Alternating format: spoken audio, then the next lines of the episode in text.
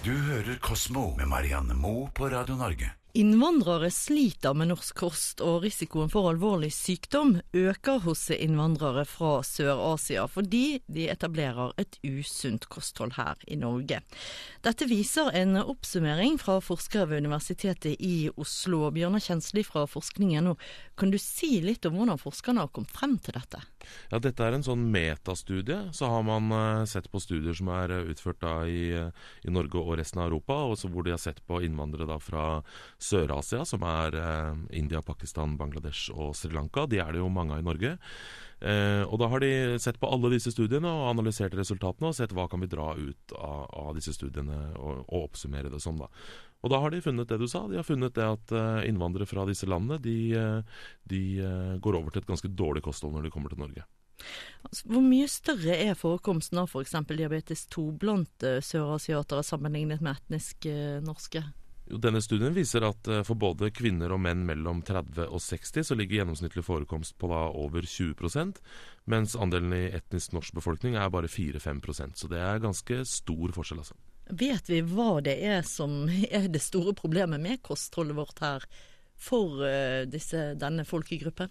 Disse landene er jo ganske fattige land. Eh, mange av de som eh, kommer hit også kommer fra fattige områder i fattige land, så de spiser jo helt annen mat enn det vi gjør her.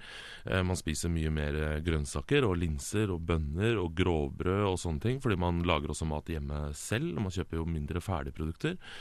Det er en av forklaringene. Eh, også når de kommer hit da og skal spise eh, mat, så velger de ofte det som er billig. Eh, og da går det mye i raske karbohydrater, uh, sukker og, fett og ting som, som, også vi nordmenn sliter med og å holde oss unna. Men, men for folkegruppe, disse folkegruppene her så, så, blir kontrasten så stor da, at den maten som er billig her, er jo det motsatte av den maten som er billig i, i landet de kommer mm. fra.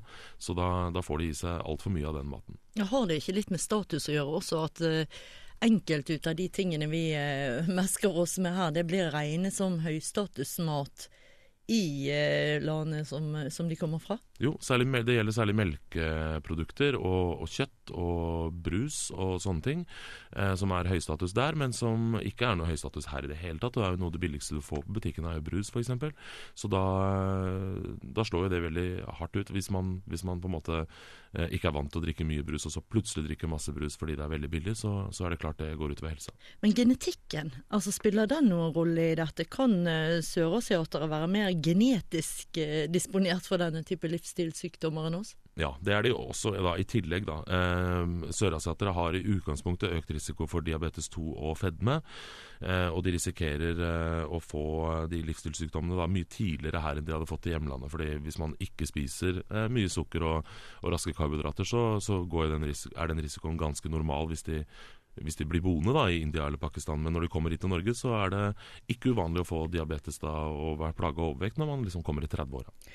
Dette er også veldig uh, tydelig for uh, innvandrerne fra Sør-Asia. Men uh, det, det, er vel ikke uproblematisk for oss nordmenn heller, mye ut av det kostholdsvanet som vi har lagt oss til? Nei, absolutt ikke. Og og skal, man skal være ganske kostholdsbevisst hvis man skal klare å, å holde seg unna raske karbohydrater og, og sukker og sånne ting. Men hva må egentlig til for å snu denne utviklingen? Har forskerne noe svar på det? Ja, de eh, Forskere er jo veldig glad i mer kunnskap, så det, det er jo først og fremst det de eh, er ute etter. Men uh, det er ikke så veldig lett å tvinge folk til å spise ting uh, Eller tvinge folk til å, å, slutte å spise ting som de liker. Uh, så de har nok litt rett i det, at mer kunnskap og bedre oppfølging fra, fra, lege og sånne ting er viktig.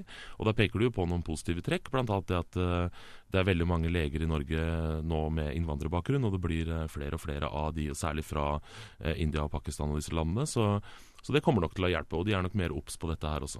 Du hører Kosmo med Marianne Moe på Radio Norge. Forspill det kan være både sosialt og ikke minst økonomisk, med tanke på de prisene vi har på mange utesteder her i Norge. Men forspill det er langt ifra ufarlig hvis vi skal tro sveitsiske forskere.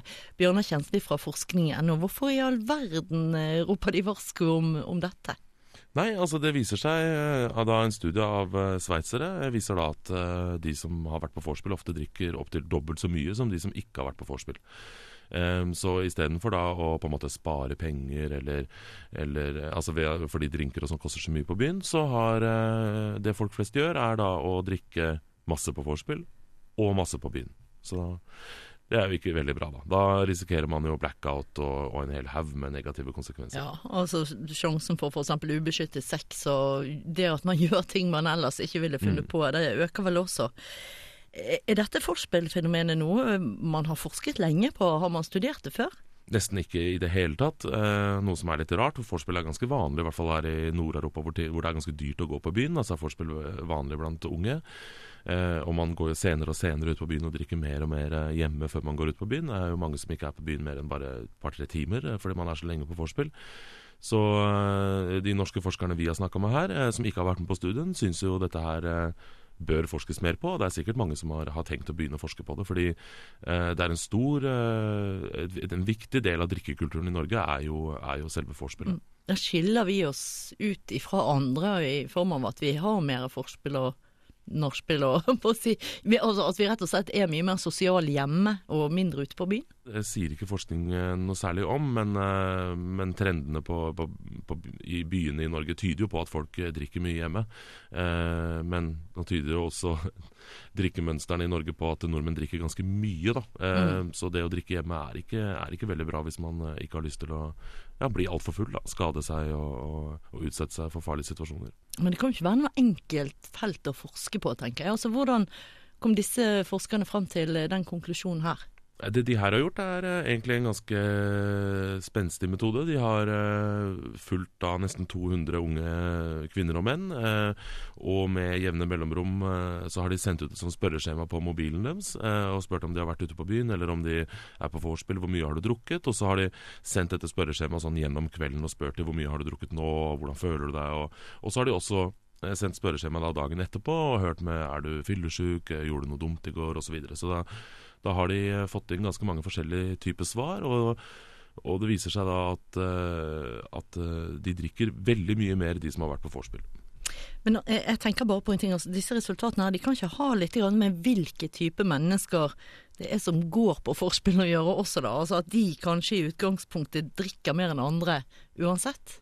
Ja, altså Forskerne mener at det ikke er sånn, fordi de har spurt såpass forskjellige typer mennesker, og de har også spurt såpass mange ganger at de har fått får liksom inn tall fra de som er på vorspiel sjelden, og de som er på vorspiel ofte. Og, og, og tallene viser da at de som, også de som er på vorspiel sjelden, når de da er på vorspiel, så, så tar de en fest hjemme og en fest ute, istedenfor én fest fordelt utover, eh, utover begge arenaene.